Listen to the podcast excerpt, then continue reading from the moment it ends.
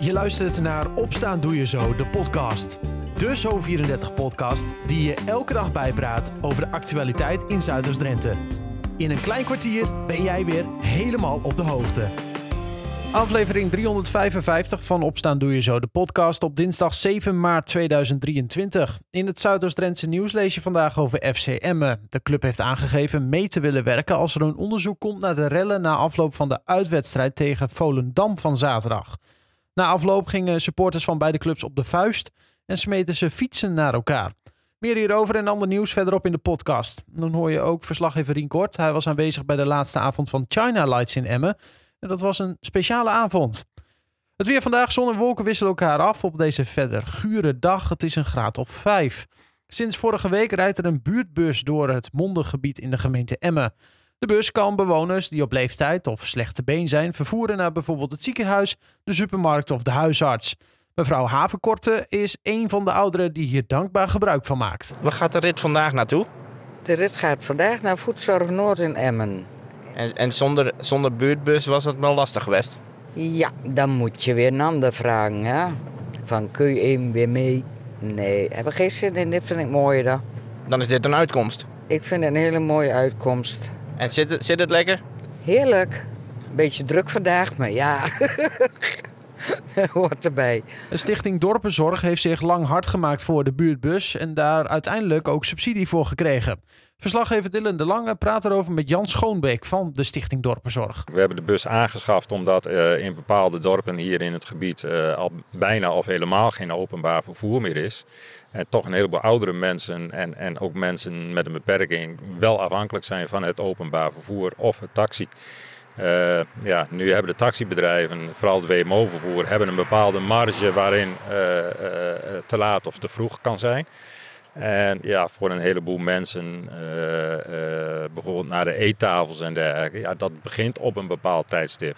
Dan kun je niet zeggen, ik kom een kwartier later en begin dan te eten. Dat, dat wil niet. Maar ook bijvoorbeeld een huisarts is ook vaak een vaste afspraak. Ziekenhuis idem dito. Dus hebben wij gezegd, nou, voor, voor de mensen die, die het betreft, schaffen wij een bus aan. Ja. Mooi idee. Hoe is dat zo, door wie is dat zo bedacht? Ja, door wie is dat bedacht? is eigenlijk, zoals een, ooit eens een keer iemand zei, organisch ontstaan. wij reageren altijd op, op, vragen vanuit de inwoners. En want, want er was vraag naar? Er was, nou ja, we kregen opmerkingen van ja, er lopen geen bussen meer of steeds minder bussen. en, en er is wel behoefte aan vervoer. Uh, ja, dan ga je nadenken hoe los je dat op. Nou, we hebben het een tijdje gedaan met, uh, met vrijwilligers uh, die met hun eigen auto uh, heen en weer reden. op zich wel heel mooi en heel lovenswaardig. Alleen, ja, het kost geld voor die vrijwilligers. Het kost geld voor de vrijwilligers. Wij bieden wel een, een onkostenvergoeding wat dat betreft. Ja, toen ging de benzineprijs ook nog eens een keer behoorlijk omhoog. En hier staat een, een prachtige elektrische nieuwe bus. Hier staat een prachtige bus. Het is de mooiste bus van Emmen. Ja. En, en hoe gaat dat nu? Heeft hij een hele rittenschema? Hoe moeten mensen zich aanmelden? Mensen moeten zich aanmelden. We hebben geen vast rittenschema. Uh, maar mensen die moeten zich aanmelden en dan kunnen ze de bus gewoon bespreken voor een bepaald tijdstip en een bepaalde dag. Ja. En kan dat ook gewoon voor een boodschapje of voor een uh, familiebezoekje?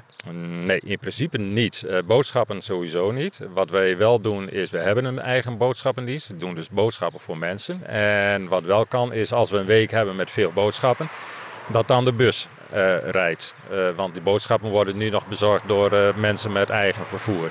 Maar het is hoofdzakelijk bedoeld voor wat meer noodzakelijke bezoekjes? Het is hoofdzakelijk bedoeld voor noodzakelijke bezoekjes zoals een, een, huisarts, een ziekenhuis, maar ook activiteiten, dus een eetkamer of een, nou, dat soort dingen. Aldus Jan Schoonbeek van Dorpenzorg, dat is dus de stichting die hulp en ondersteuning biedt aan iedereen die dat nodig heeft in de gemeente.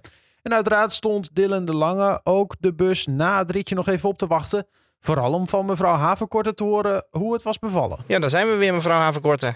Ja, weer op plek aanwezig, dus dan kunnen we weer eten. Hoe beviel, hoe beviel dit? Beviel prima, beter kan niet.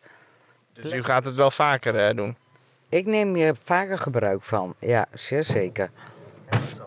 Fijne dag. Hetzelfde. Dank je. Valt dus goed in de smaak die buurtbus. Meer hierover lees je via zo34.nl en in onze app.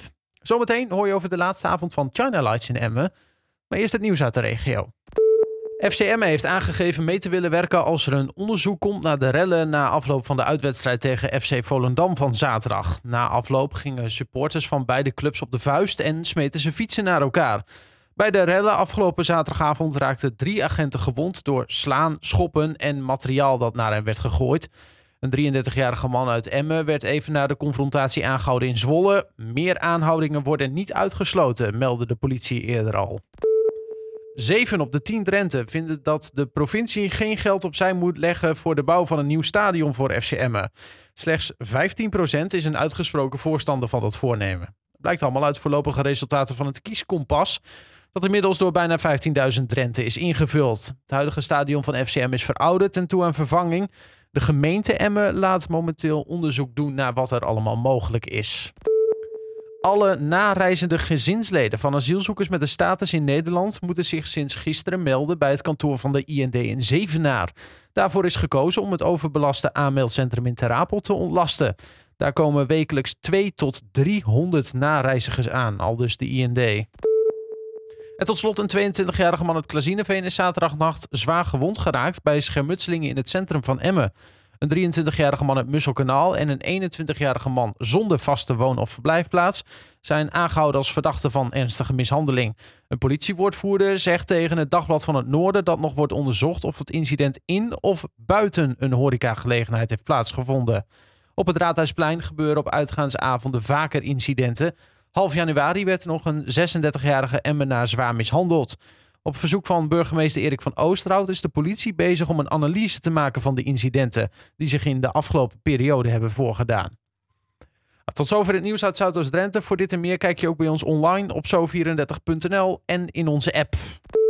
Gisteravond was het een bijzondere avond voor veel chronisch zieke kinderen in Emmen. Samen met hun ouders, broertjes en zusjes waren zij de laatste gasten van deze editie van China Lights in Emmen. Verslaggever Rien Kort sprak onder andere met Ria Huytema, initiatiefnemer van deze bijzondere avond. Nou, dit zijn de kinderen die uh, op uitnodiging uh, hier zijn bij China Lights. Uh, eigenlijk namens Triant hebben we dit, organiseren we dit voor het tweede jaar. En dit, zijn, dit is echt een avond voor de ernstig zieke en gehandicapte kinderen, of gehandicapte kinderen, met hun families die eigenlijk eventjes eruit kunnen zijn, even hun zorgen kunnen vergeten. En jullie hadden bedacht van, kom, laten we dan naar China Lights gaan op de allerlaatste avond dat het ook echt kan. Ja, dit is, we hebben vorig jaar hebben we tijdens een gewone openingsavond gedaan. Maar dat was voor, sommige kinderen echt te druk. En nu hebben we een speciale avond uh, georganiseerd. En dan komen ongeveer 600 kinderen met hun families. Precies, hoe is dit idee precies ontstaan? Je vorig jaar hebben het voor het eerst gedaan. Maar hoe kwam dat precies tot... Uh, hoe ging dat precies in zijn werk? Nou ja, uh, Janet, uh, en, Henk, Janet en Henk Hiddink zijn de organisatoren van China Lights. En die weten dat ik in het ziekenhuis werk en nogal veel connecties heb. Dus die zeiden van, goh Rini, kunnen we ook iets leuks organiseren voor de doelgroep zieke, gehandicapte kinderen? Ik zeg, nou ja, vast wel. Hebben de schouders met z'n allen ondergezet. Hebben we vorig jaar ook zo'n 500 kinderen mogen ontvangen. Maar tijdens een reguliere openingsavond en ook omdat Show natuurlijk in het Rensenpark de meeste zitplaatsen heeft. Hè, ongeveer 160 tot 200 zijn we hier gaan zitten. En samen met uh, verpleegkundigen van de kinderafdeling, pedagogisch medewerkers van de kinderafdeling, wat collega's van mezelf, hè, van, de pijn, uh, van de pijnconsulenten en vrijwilligers van Show en van de Sor Optimistenclub uh, en de Lions niet te vergeten die bij de poorten staan, proberen we de mensen een hele mooie avond te bezorgen. Uh, Ramona, je bent hier vandaag met, met je dochter, met Ise. Uh, waarom ben je hier vandaag naartoe gekomen? Uh, ja, we zijn hier samen heen gegaan met mijn zoontje ook. Om naar de Shine Lights te gaan. Uitnodiging van Rini van het ziekenhuis gekregen. En nou, het is altijd een heel leuk uitje om even naartoe te gaan. vooral ook voor mijn zoontje. Mijn dochtertje die kan het natuurlijk niet zo heel goed meemaken. Maar op haar manier met de lampjes en lichtjes probeert ze toch wat mee te krijgen. Je bent hier dus met, met Ise. Wat is er met Ise precies? Ise heeft een uh, genetische afwijking al vanaf de geboorte en is daardoor zeer ernstig verstandelijk meervoudig beperkt. En wat betekenen dit soort uitjes voor haar? Um, ze vindt het heel fijn om, um, om onder de mensen te zijn. Ik merk altijd dat ze het heel fijn vindt om weg te gaan. maar het kost daar wel veel energie. Dus het is altijd afwachten of het lukt. Maar als het lukt, proberen we dit soort dingetjes wel te doen. En na deze mooie avond sluit China Lights dus de deuren. Maar hoe kijkt de organisator Henk Hidding terug op deze editie van het festival? Oh, met, met een beetje wisselend gevoel. Uh, nu, op dit moment, eigenlijk heel tevreden. Maar dan heb ik het over de laatste, pakweg laatste maand. Hè, misschien de laatste vijf, vijf, zes weken. Uh, daarvoor uh, hadden we toch wel een beetje kramp in de buik. Want uh, toen ging het, nou, maar heel, heel langzaam, zeg maar. In de weekenden was het wel redelijk. Met de kerst hebben we een paar hele goede dagen gehad. Maar het was eigenlijk ook, door de, vooral door de week, was het wel angstaanjagend rustig. Hoe kan dat eigenlijk precies? Wat, wat denken jullie waardoor dat komt? Nou, ik denk dat het weer een hele grote rol speelde, want het was ook echt slecht weer. En dit is natuurlijk wel een buitenactiviteit. Uh, dus dat heeft sowieso een enorme rol gespeeld. Daarnaast denk ik dat in de kerstvakantie zelf, uh, en dat heeft ook een hele positieve kant hoor, uh, maar werd er heel veel georganiseerd in Emmen. Ja, want jullie willen volgend jaar weer door. Op basis van de ervaringen van dit jaar zeggen jullie van, we gaan volgend jaar toch weer proberen opnieuw China Lights op te tuigen. Ja, tuurlijk. En, uh, maar wel anders. Hè. Het moet er heel anders uitzien. Wat gaat er dan precies veranderen? Dat, daar zijn we nu mee bezig. Er wordt een oriëntatiereisje gemaakt naar de fabrieken en de ontwerpbureaus in, uh, in Qigong in, uh, in China. Om het daar te bespreken over een week of twee weken. En, um, en dan wordt nader besproken wat mogelijk is en wat kan. Maar zeker is dat het heel anders wordt dan wat we nu hebben. Er zijn ook weer nieuwe technieken. Hè. Je kunt weer meer met, ja, met robotica en, en, en meer dynamische dingen maken. Uh, bewegende, uh, bewegende uh, zaken. En het wordt natuurlijk een heel ander thema, dat moet wel. Al dus verslaggever Rien Kort in gesprek met de organisator van het Lichtjesfestival China Lights Emmen, Henk Hidding. Meer over deze avond en hoe Henk verder terugkijkt op het evenement lees je via zo34.nl en in onze app. Tot zover de podcast van dinsdag 7 maart. Morgen weer een nieuwe aflevering. Graag tot dan en voor nu een fijne dag.